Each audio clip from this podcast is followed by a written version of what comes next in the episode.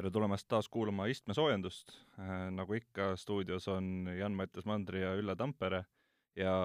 selles saates räägime, kuna meil on selline jaanipäeva eri või värskelt on jaanipäev läbi saanud, siis räägime meie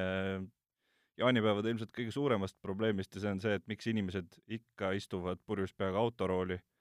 teine teema, millest me räägime, on turvalisuse leiutised autos, mis on kõige paremad ja, ja arutame ka tahkisakude üle, see on selline keeruline kontsept, mis äh, tulevikus võib elektriautod ja ka kõik muud äh, seadmed, mis elektrit kasutavad, meie jaoks palju paremaks muuta. proovisõiduautoks oli äh, Hyundai Fastback i30N ja eluhäkiks on suvele väga kohane teema, et kuidas ikkagi saada auto enne sellesse istumist jahedaks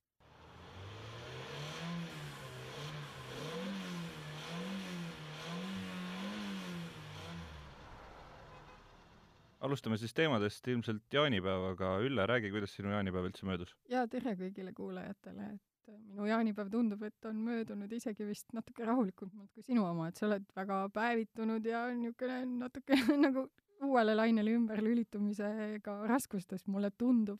kuidas sul läks? kas sa võtsid ka palju napsi? sulle tundub täiesti valesti, sellepärast et äh, minu päevitus on lihtsalt äh, seotud minu väga hea puhkusega, et ma põhimõtteliselt jõin vist kogu selle kolme päeva peale ära äh, ühe mingi neljakraadise õlle või siidri, et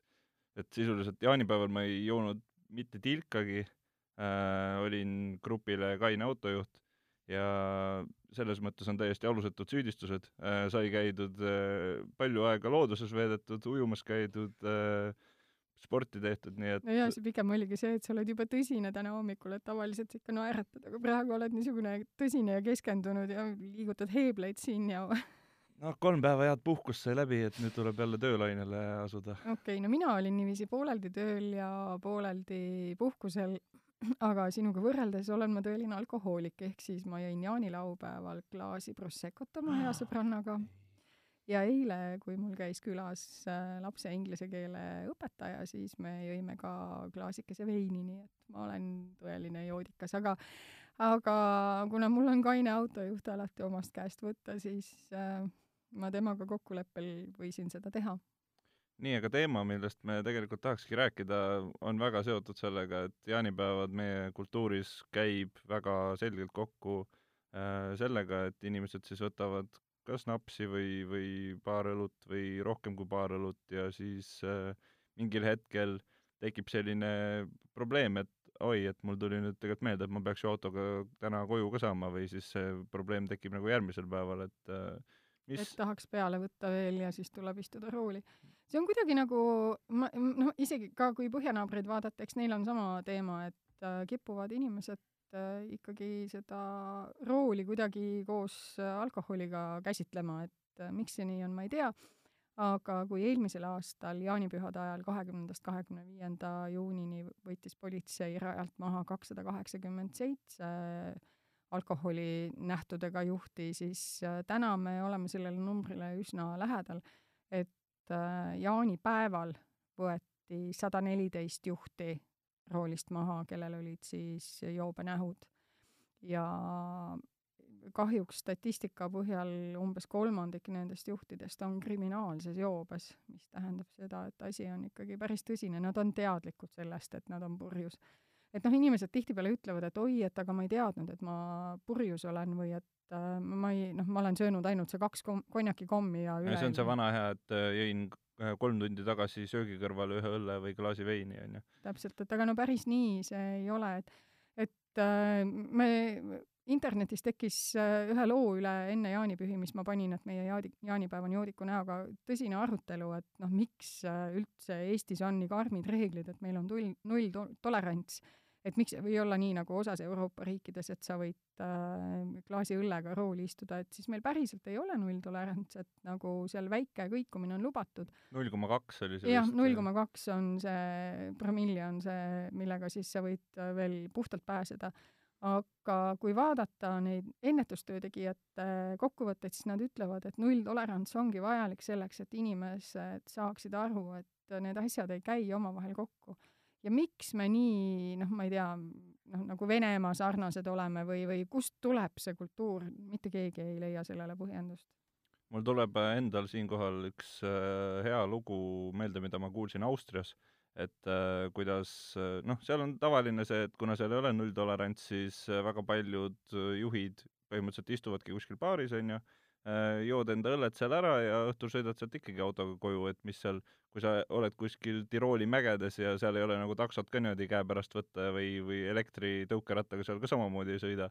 et siis ongi see, et äh, ikkagi sõidetakse sealt äh, autoga õhtul koju ja, ja sinna piirkonda tuli siis äh, uus politseinik,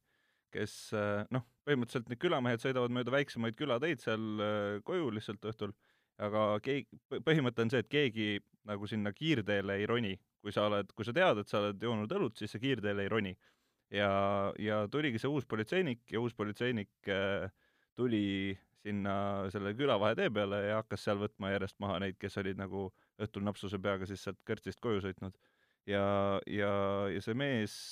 või see politseinik, kes seal töötas, see, tema noh, pärast seda esimest korda, kui ta seal neid külamehi äh, noolis, siis äh, ta sai lihtsalt nende käest peksa ja, ja tuligi niimoodi, et see, see mees lihtsalt äh, sai ise ka aru, et okei okay,, et seda ei ole mõtet teha. et võib-olla tõesti, kui nad nagu kiirteele ei roni, siis ei ole ka vaja nende, nende promilli käia mõõtmas, et vot selline suhtumine on näiteks Austrias. jaa, no, no aga seal on see veini- ja õllekultuur on nii noh, selgelt nagu eluga läbi põimunud, et Eestis samas no minu meelest on asjad nagu järjest paremad, et noor põlvkond, sina sealhulgas, teie see napsitamine ei ole enam nagu teema et kui vaadata neid juhte, kes vahele jäävad nagu seda vanuselist lõiget, et aeg-ajalt, noh, kes näiteks õnnetusi ka põhjustavad, et need on ikkagi nagu keskiga ja vanemad, et äh, eilegi ja üleeilegi juhtusid sellised äh, kummalised liiklusõnnetused, arvesse ju lähevad ainult need, kus on vigastatu siis ka olnud osaline. Et kaks jalgratturit, üks purjus jalakäija, ehk siis kaks, kolm on nendest nii-öelda nagu mitte autoga ja siis üks autojuht, kes sõitis vastu puud, et äh, ma ei tea, et noh, kui nagu otsida rohtu sellele, et miks inimesed ei jooks, siis eks ilmselt aeg parandab haavad ja uus põlvkond tuleb peale ja, ja asi tasapisi paraneb, et ähm,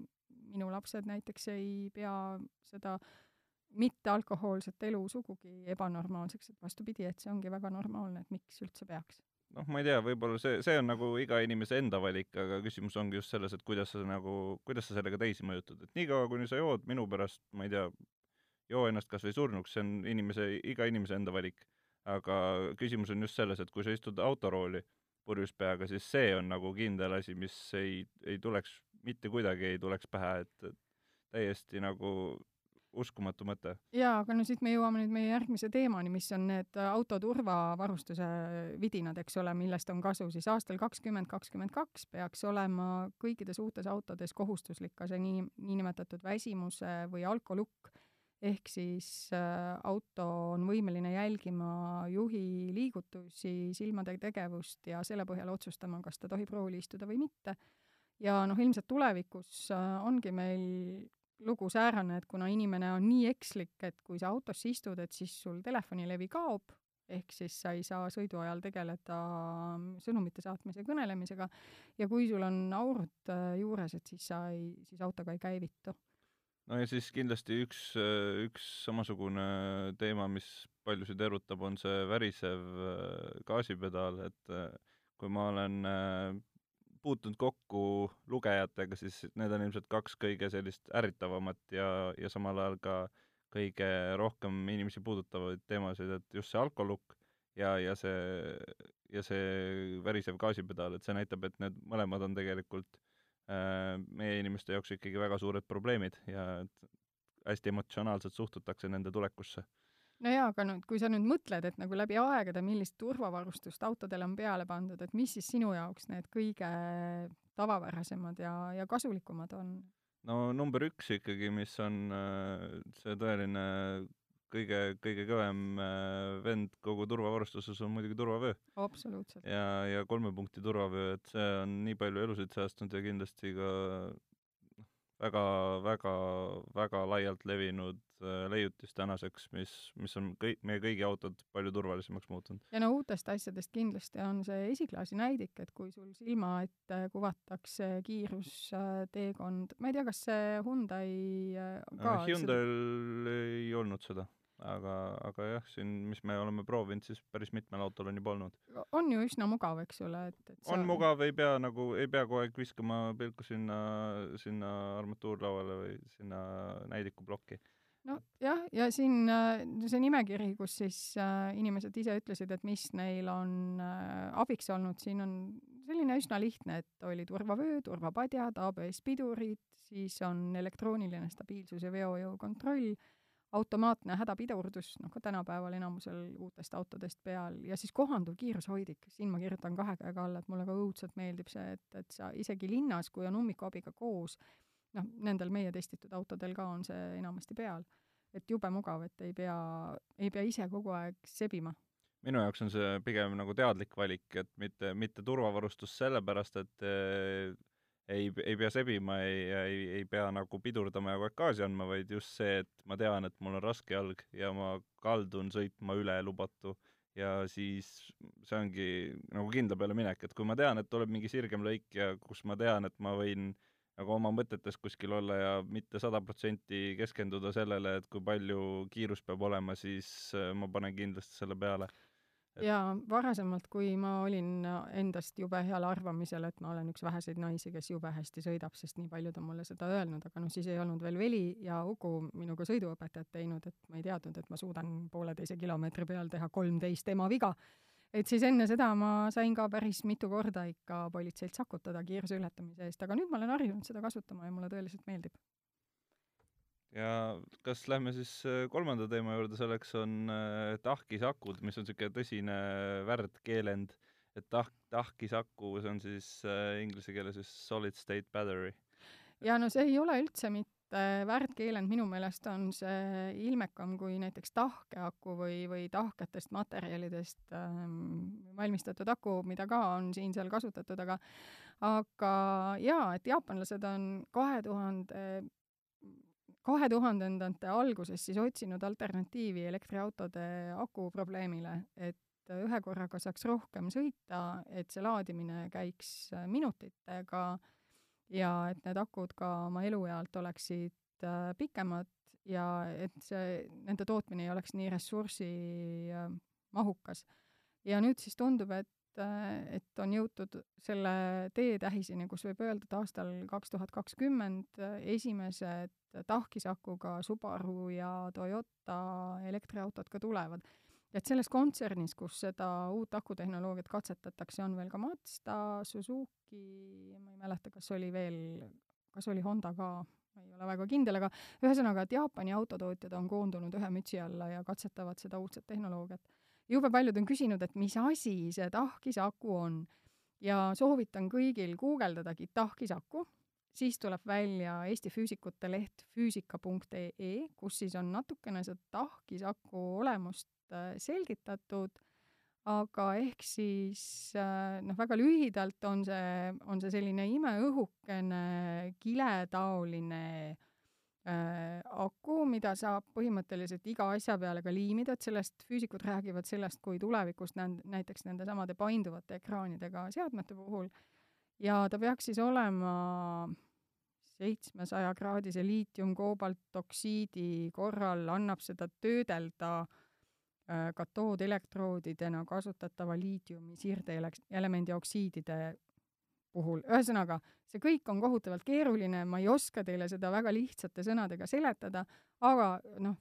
piisab, kui nagu ma kujutan seda endale ette, et ta on väga kerge, ta on oluliselt väikes, väiksem kui meie praegused elektriautode akud ja ta on energia või laengu tihedam, siis ehk siis sellesse väikesesse akusse mahub palju rohkem energiat ja see läheb sinna palju kiiremini. see võiks küll tähendada elektriautodes ka nagu uut läbimurret ja tekitab jälle küsimuse, et mis saab vesinikust. no peamine küsimus on muidugi see, just see temperatuuri küsimus, et praegused akud ju, see kogu asi seisab sisuliselt selle taga, et neid ei saa kiiremini laadida, kuna nad lähevad liiga kuumaks ja samamoodi on see mahutavuse küsimus ka, et kuna nad lähevad liiga kuumaks, siis kuna need tahkisakud taluvad kõrgemat temperatuuri, siis on, on nad nagu mõlemas selles aspektis kõvasti üle. et äh, ma siin kiirelt äh, ka samamoodi guugeldasin, vaatasin ja kaks koma viis korda pidi olema see, see mahutavus suurem. ja teine küsimus seejuures on ka see, et kuna nad on tahked, kuna neis seda vedelat osa ei ole, siis me teame ju, missugused on olnud elektriautode tulekahjud ja, ja tulekahjude puhul on ka need uued akud on kordades äh, vähem tuleohtlikud, seega ei ole ka seda probleemi, mis on üks selliseid suuri turvalisusriske, mida on elektriautode kriitikud välja toonud. et ilmselt saab ka see mure lahenduse. Nii tore, et sa selle kuidagi nagu inimkeeles ja sama, samal ajal teaduspõhiselt ära seletasid, et ma ei, ei noh, tunnen ennast praegu küll päris rumalana, aga aga fakt, et äh, eks meil on selle tahkisakuga palju küsimusi ja lähiaastad saavad ajakirjanike jaoks olema väga põnevad, et uurida välja, mis asi see siis tegelikult on.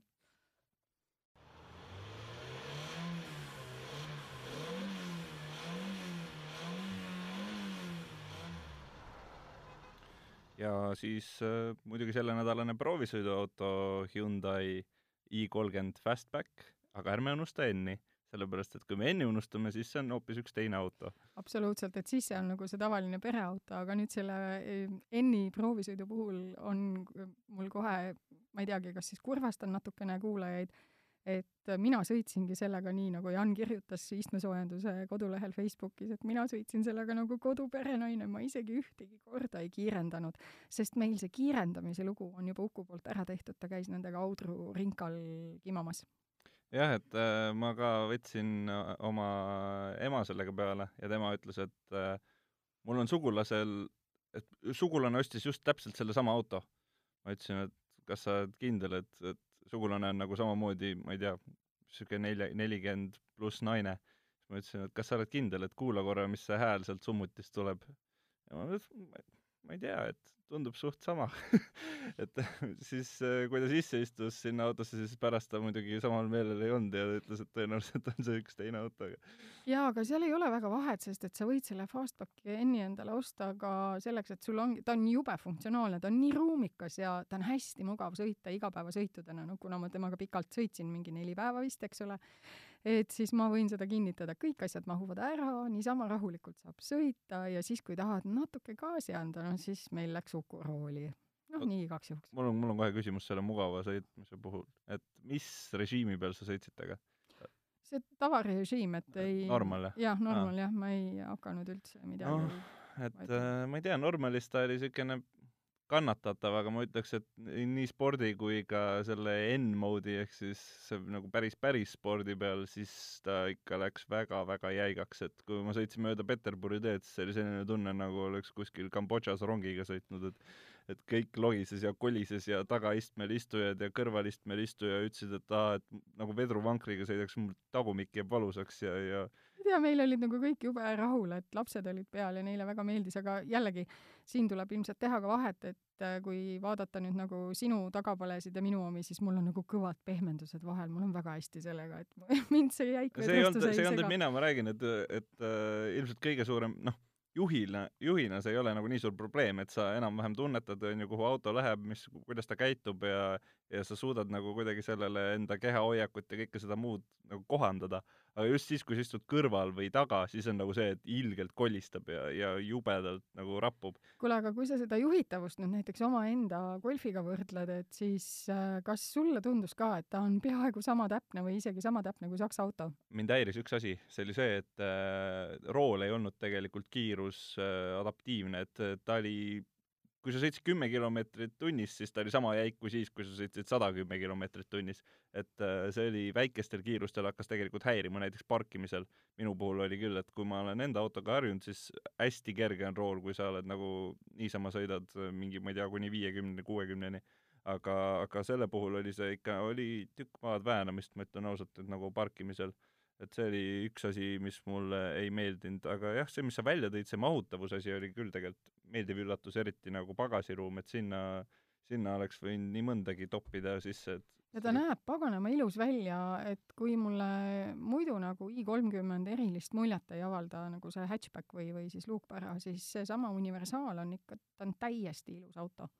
mm,. jah, ma olen, ma olen nõus, aga, aga tema puhul on seesama võlu tegelikult, mis on, mis on ka Golf GTI või Golf R-i puhul, et ta on keegi ei oota seda.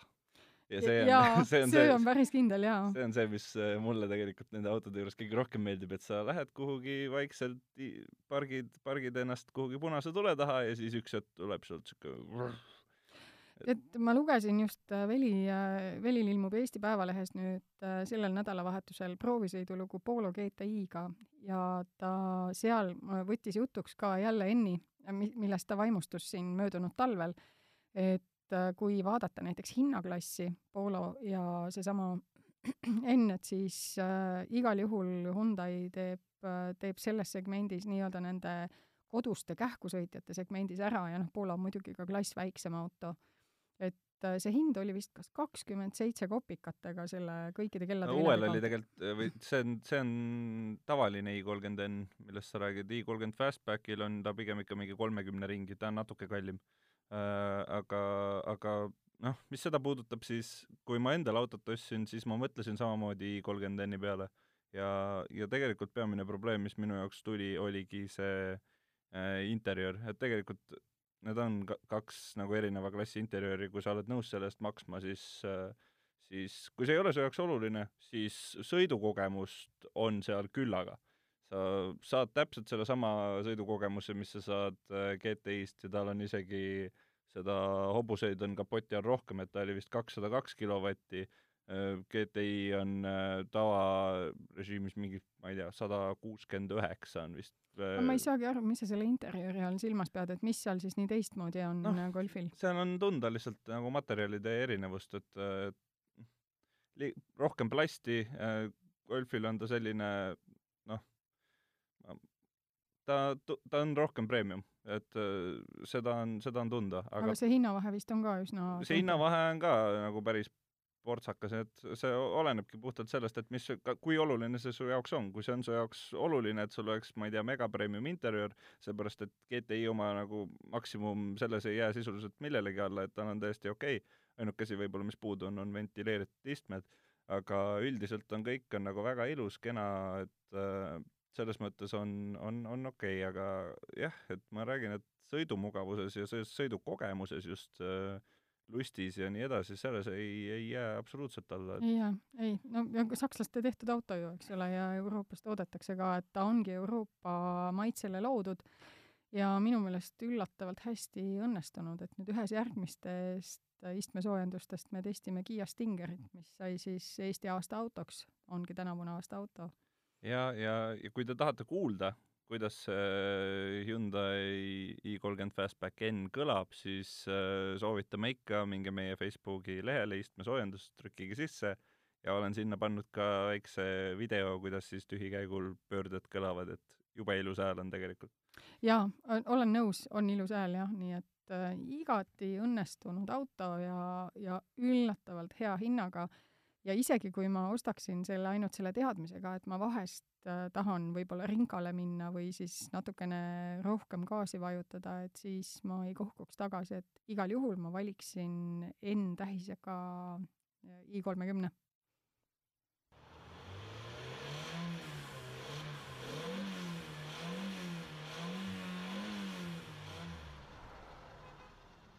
no suvekuumad on käes ja räägime nüüd autodest ja palavusest. Ülle, mis sa ise tavaliselt teed, kui sul auto on ikka, noh, sa tead, et sul on auto seisnud kuskil päikese käes ja sa tead, et sa pead sinna minema, mis sa teed? jaa, no see esimene rohi ongi see, et pane auto varju alati, et mõtle, kuhu seda pargid ja, ja suvel kasutan ma parkimismajasid, ennemini natuke maksan, aga ma ei taha hi sisse hingata päikese käes nii-öelda nagu lahti sulanud neid plastikuaure, mis on päris kahjulikud aga kui nüüd juhtub, et auto on üle kuumenenud, siis ma teen aknad lahti ja lasen selle hullema kuumuse sealt kõigepealt välja ja siis järgmiseks äh, panen tööle kliimaseadme ja siis jahutan auto maha ja ega seal muud ei olegi, aga sina? selle koha pealt tasub alati äh, selgeks õppida enda auto need äh, puldid, et äh, enamasti on autopultidel see režiim täitsa olemas, et sa vajutadki ühte kindlat nuppu ja tal sina unistaja, sul on Vaag auto ehk siis Volkswagen Grupi auto, sellel tõesti see on olemas, kõigil ei ole. jah, et äh, noh, Volkswagen Grupi autodel, mida ma arvan, et on Eestis päris hea protsent, et äh, nendel tasub siis hoida seda, seda uste lahti tegemise nuppu all ja siis hakkavad ka aknad hakkavad alla kerima kõik korraga, et siis saab auto päris kiiresti jahedaks. aga minul on veel üks hea soovitus ja selleks on tegelikult paigaldada endale eelsoojendi. Et äh, eelsoojendil on ka jahutusrežiim ja selle saab siis noh, tänapäeva eelsoojenditega juba telefonist endal mõnusalt tööle panna või samamoodi on osadel autodel on see täitsa sisse ehitatud, et näiteks Nissan Leaf, mis me viimati proovisime, et seal paned ka telefonist auto ilusti jahenema ja, ja ei ole seda, noh muidugi see plastiku probleem jääb ilmselt siis nagu ikkagi õhku, aga, aga vähemalt ei pea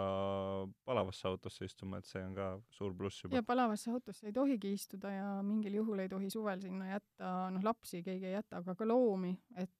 lemmikud, kes on äh, jäetud autosse ja näiteks isegi kui auto aken on lahti, lootuses, et ta saab õhku, kui ta on auto tagaosas, siis võtab paarkümmend minutit, et ta seal ära koolab. jah, et äh, kindlasti ärge kedagi kuumadesse autodesse jätke ja kui võimalik, siis ärge ka ise sinna sisse ronige nii on jah